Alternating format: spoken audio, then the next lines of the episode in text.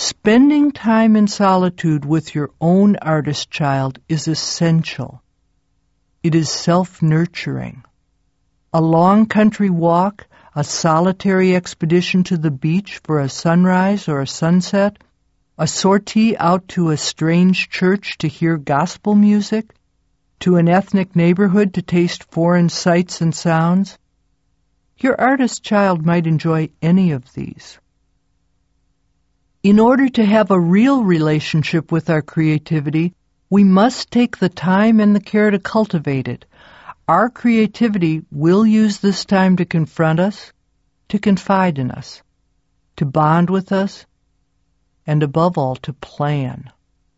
We begin to hear solutions.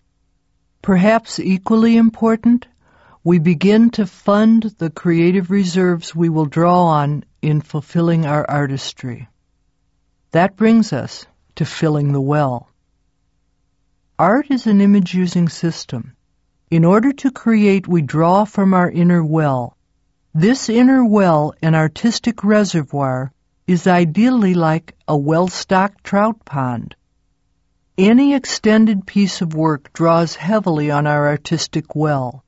Overtapping the well, like overfishing the pond, leaves us with diminished resources. We fish in vain for the images we require. Our work dries up and we wonder, why? Just when it was going so well. The truth is that work can dry up because it's going so well. As artists, we must learn to be self-nurturing we must become alert enough to consciously replenish our creative resources as we draw on them, to restock the trout pond, so to speak. I call this process filling the well. Art is born in attention. Its midwife is detail. The artist's language is a sensual one, a language of felt experience. So, in order to function in the language of art, we must learn to live in it comfortably. The language of art is image, symbol. It is a wordless language even when our very art is to chase it with words.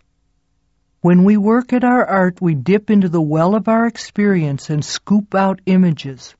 Because we do this, we need to learn how to put the images back. In filling the well, think magic.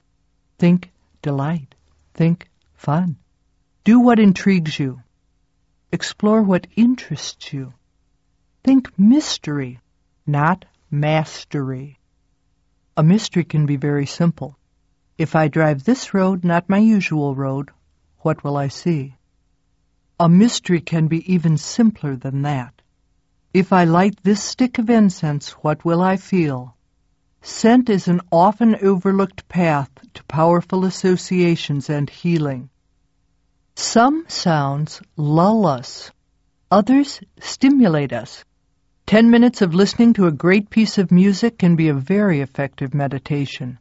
Five minutes of barefoot dancing to drum music can send our artist into its play fray day refreshed. Filling the well needn't be all novelty. Cooking can fill the well.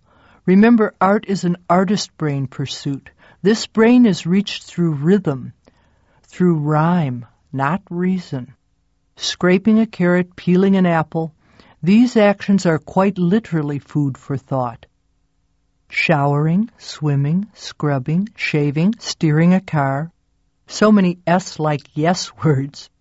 All of these are regular, repetitive activities that may tip us over from our logic brain into our more creative artist brain. Solutions to sticky creative problems may suddenly bubble up through the dishwater, emerge on the freeway just as we're executing a tricky merge. Learn which of these works best for you and use it.